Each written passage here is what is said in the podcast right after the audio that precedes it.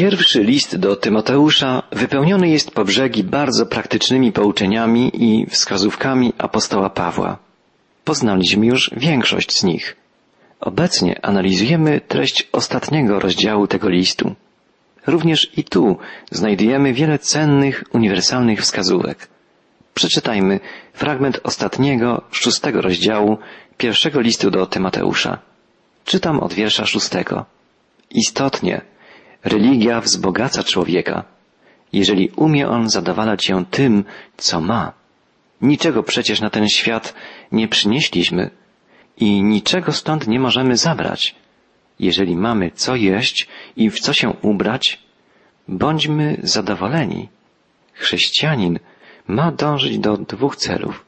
Po pierwsze, ma uświadomić sobie, że nie leży w mocy rzeczy materialnych uszczęśliwienie kogokolwiek. Pewien współczesny myśliciel powiedział, wielu milionerów umarło na melancholię po zadławieniu swojej duszy złotym pyłem. Szczęście pochodzi zawsze z wewnątrz, nie z zewnątrz. Wszystkie rzeczy tego świata nie uczynią szczęśliwym człowieka, który nie zna przyjaźni ani miłości. Chrześcijanin wie dobrze, że tajemnica szczęścia nie leży w rzeczach, ale w duszy ludzkiej. Chrześcijanin dąży do skoncentrowania się na tym, co trwałe. Niczego nie przynieśliśmy na ten świat i niczego nie możemy z niego wynieść. Za wyjątkiem dwóch rzeczy.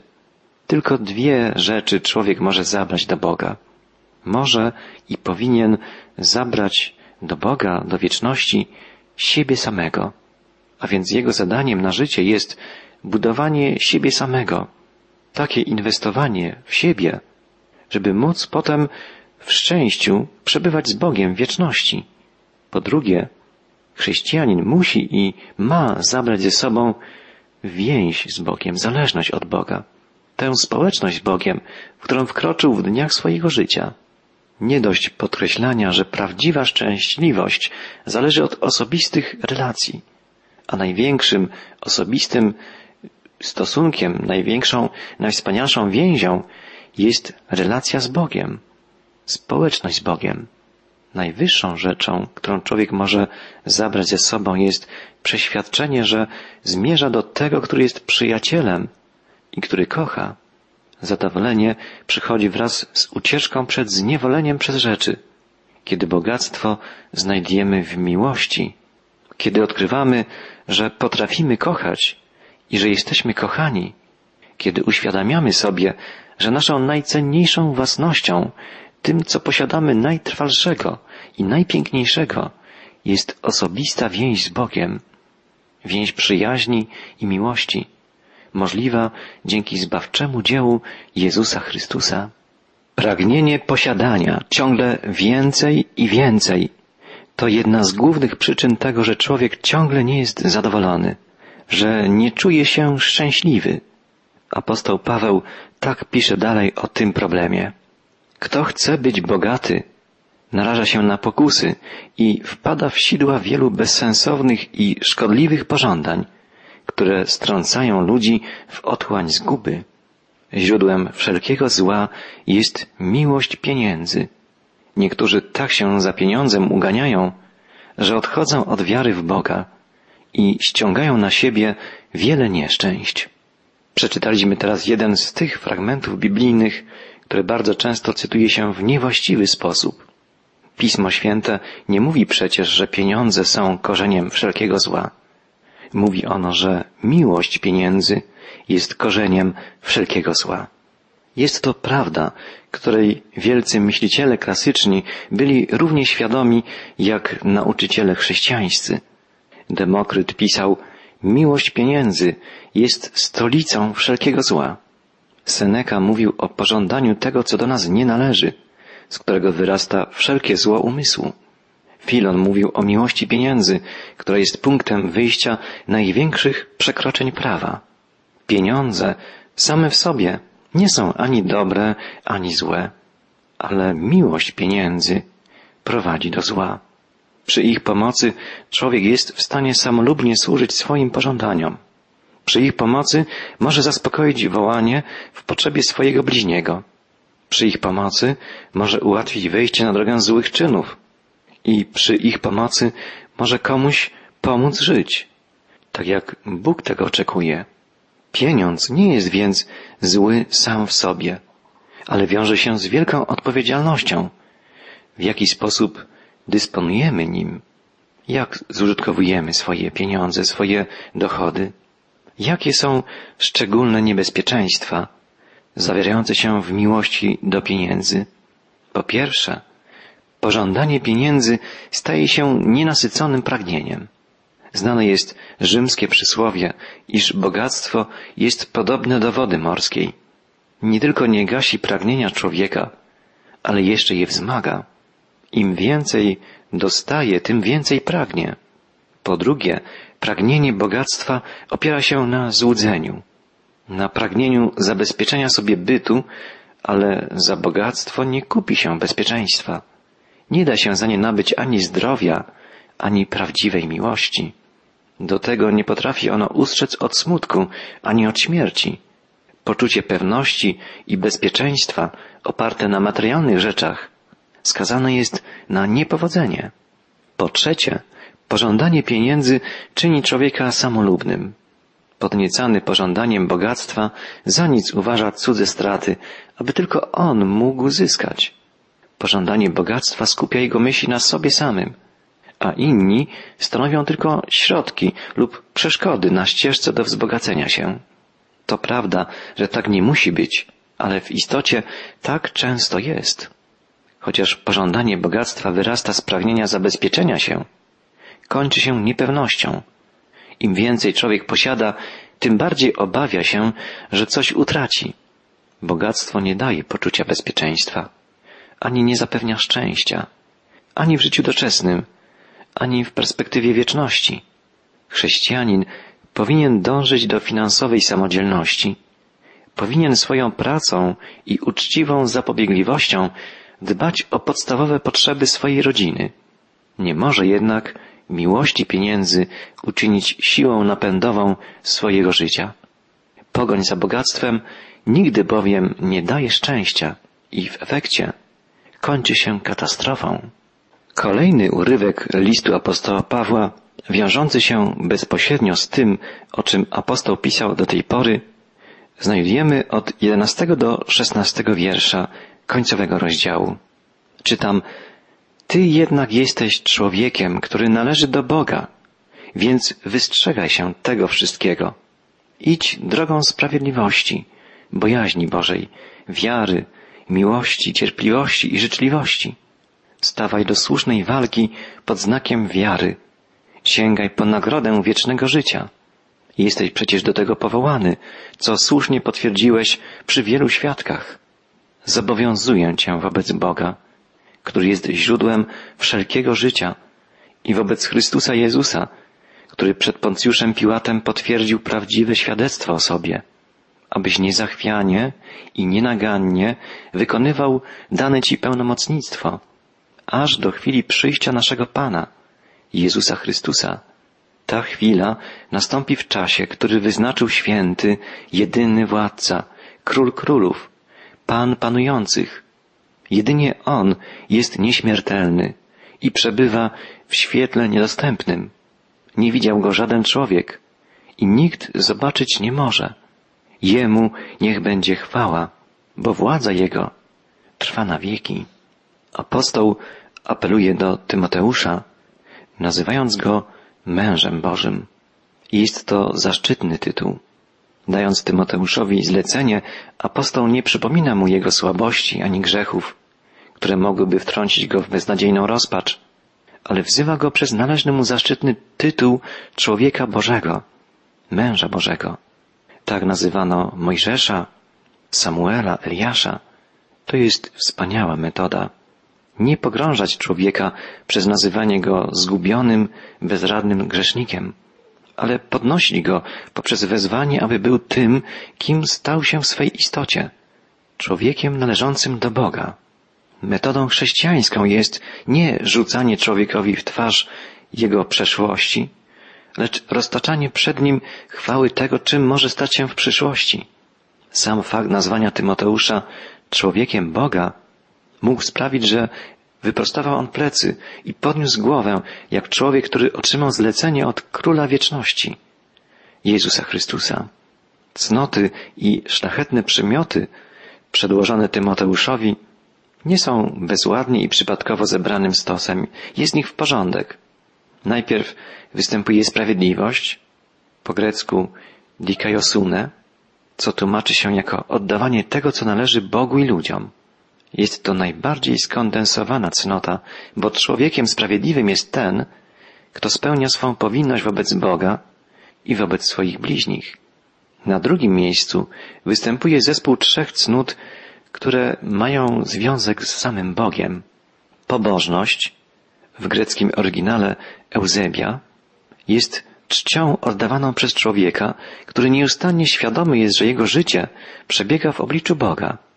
Dalej wiara, pistis, oznacza wierność przede wszystkim. Jest cnotą człowieka, który przez wszystkie okazje i zmiany życia, aż do bram śmierci, jest wierny Bogu. I w końcu trzeci element, miłość, agape. Jest to cnota człowieka, który gdyby nawet chciał, nie może zapomnieć, co Bóg dla niego uczynił. Nie może zapomnieć o miłości Boga. Po trzecie, występuje tu cnota patrząca w stronę postępowania w życiu. Jest nią hypomene. Tłumaczy się jako cierpliwość, ale nigdy nie oznacza siedzenia z założonymi rękami, znoszenia tego, co nas nachodzi i pozwalania przeżyciom na przelewanie się przez nas na kształt fali. Nie, nie o tego rodzaju cierpliwość chodzi. Nie ma to być cierpliwość bierna, ale cierpliwość zwycięska, zwycięska wytrwałość. Jest to nieporuszona stałość wiary i pobożności wbrew przeciwnościom i cierpieniom. Jest to cnota nie tyle zgadzająca się na doświadczenia życia, co przezwyciężająca je. Po czwarte, występuje tu cnota spoglądająca w stronę człowieka, wyrażana greckim słowem paupatheia. Tłumaczy się to słowo greckie jako łagodność, ale jest to słowo właściwie nieprzetłumaczalne.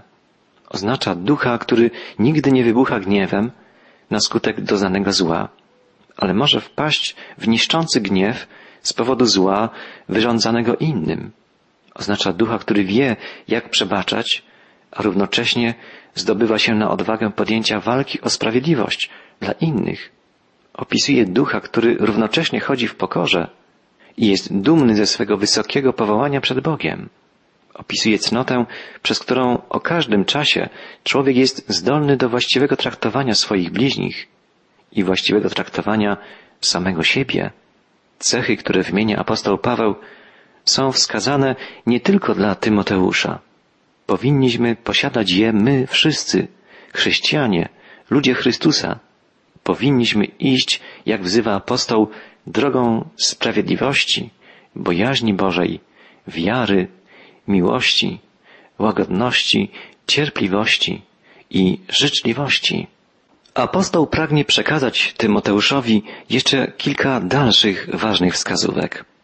Radzi mu, jak czytamy od 17 wiersza ostatniego rozdziału listu.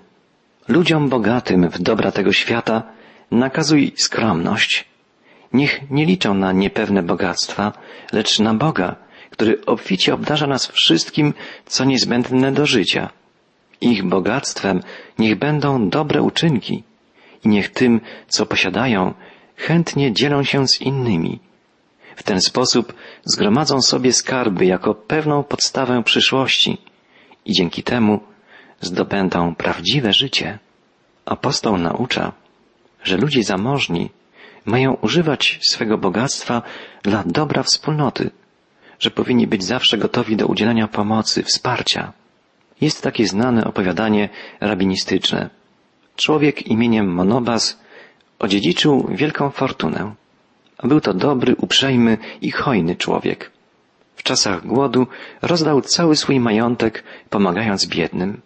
Przyszli do niego jego bracia i powiedzieli, Twoi ojcowie gromadzili skarb i dodawali do skarbów przodków, do skarbów tych, które odziedziczyli od swoich ojców, A ty roztrwaniasz cały ten majątek? A on odpowiedział, moi ojcowie składali majątek w dole, a ja składam majątek w górze. Moi ojcowie składali mamonę, a ja składam skarb duszy. Moi ojcowie odkładali skarby tego świata, a ja skarby świata przyszłego. Za każdym razem, kiedy mogliśmy dać coś komuś, a nie uczyniliśmy tego, pomniejszyliśmy bogactwo odłożone dla nas w przyszłym świecie. A za każdym razem, gdy dajemy, powiększamy bogactwa odłożone dla nas, kiedy to nasze doczesne życie dobiegnie końca. Nauką etyki chrześcijańskiej jest nie to, że bogactwo jest grzechem, lecz że jest bardzo wielką odpowiedzialnością. Jeśli bogactwo człowieka nie służy niczemu innemu oprócz jego pychy i nie wzbogaca nikogo oprócz niego samego, staje się ruiną, ponieważ zubaża jego duszę. Jeżeli jednak zamożny człowiek użyje to, co posiada do udzielania pomocy innym, to stając się pozornie uboższym, będzie duchowo coraz bogatszy. Zarówno bowiem tutaj, w doczesnym życiu, jak i w wymiarze wieczności, wypełnia się prawda, że bardziej błogosławioną rzeczą jest dawać niż brać. Już zupełnie na koniec swego listu apostoł zwraca się do swego ukochanego ucznia w sposób bardzo osobisty. Pisze, Tymoteuszu, pilnuj tego, co ci powierzono. Unikaj jałowych sporów i sprzecznych twierdzeń i rzekomej uczciwości. Niektórzy chełpili się nią i utracili wiarę. Dobroć Boża niech zawsze wam towarzyszy. Możliwe, że w zakończeniu listu Imię Tymoteusza jest użyte w pełnym swoim znaczeniu. Imię to pochodzi bowiem od dwóch wyrazów. Timan, czcić i Teos, Bóg, co razem oznacza tego, który czci Boga. Timoteos. Możliwe więc, że to końcowe zdanie ma przypomnieć Tymoteuszowi o znaczeniu jego imienia i zachęcić go do wiernego podążania za Panem, do czczenia go swoim życiem. Tekst listu wspomina o depozycie. W oryginalnym języku greckim pojawia się tutaj słowo parateke. Było to słowo używane na określenie pieniędzy złożonych u bankiera albo u przyjaciela.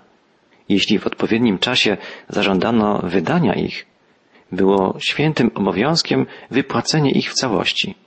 Czasem dzieci nazywano także paratekę, czyli zawierzonym skarbem. Tak samo jest z wiarą chrześcijańską, którą otrzymujemy od naszych poprzedników i którą musimy przekazywać naszym dzieciom. Zachowujmy ten depozyt. Zachowujmy talent powszechnej wiary, dar wiary w całości. Nie umniejszamy go. Niech to, co zostało nam powierzone, pozostanie przy nas i przekazujmy go dalej. Dobrze jest pamiętać, że człowiek ma obowiązki nie tylko wobec siebie, ale także wobec swoich dzieci, wnuków, następnych pokoleń.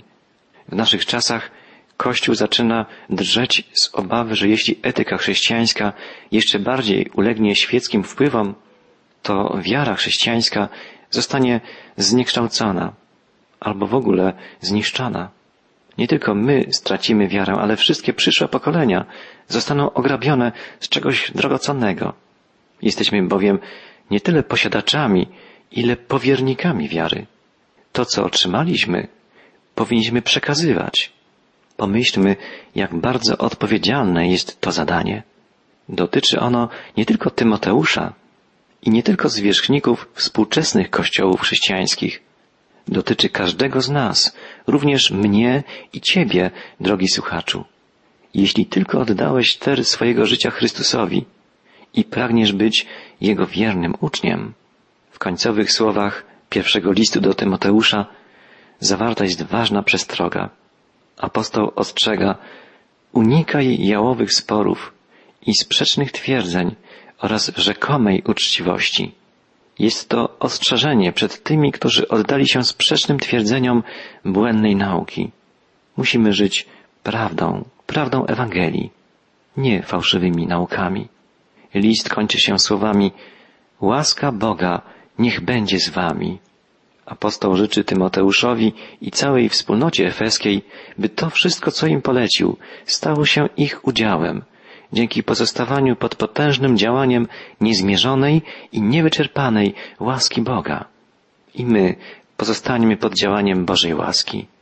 Jest to coś najpiękniejszego, najwspanialszego, co może spotkać nas w naszym życiu.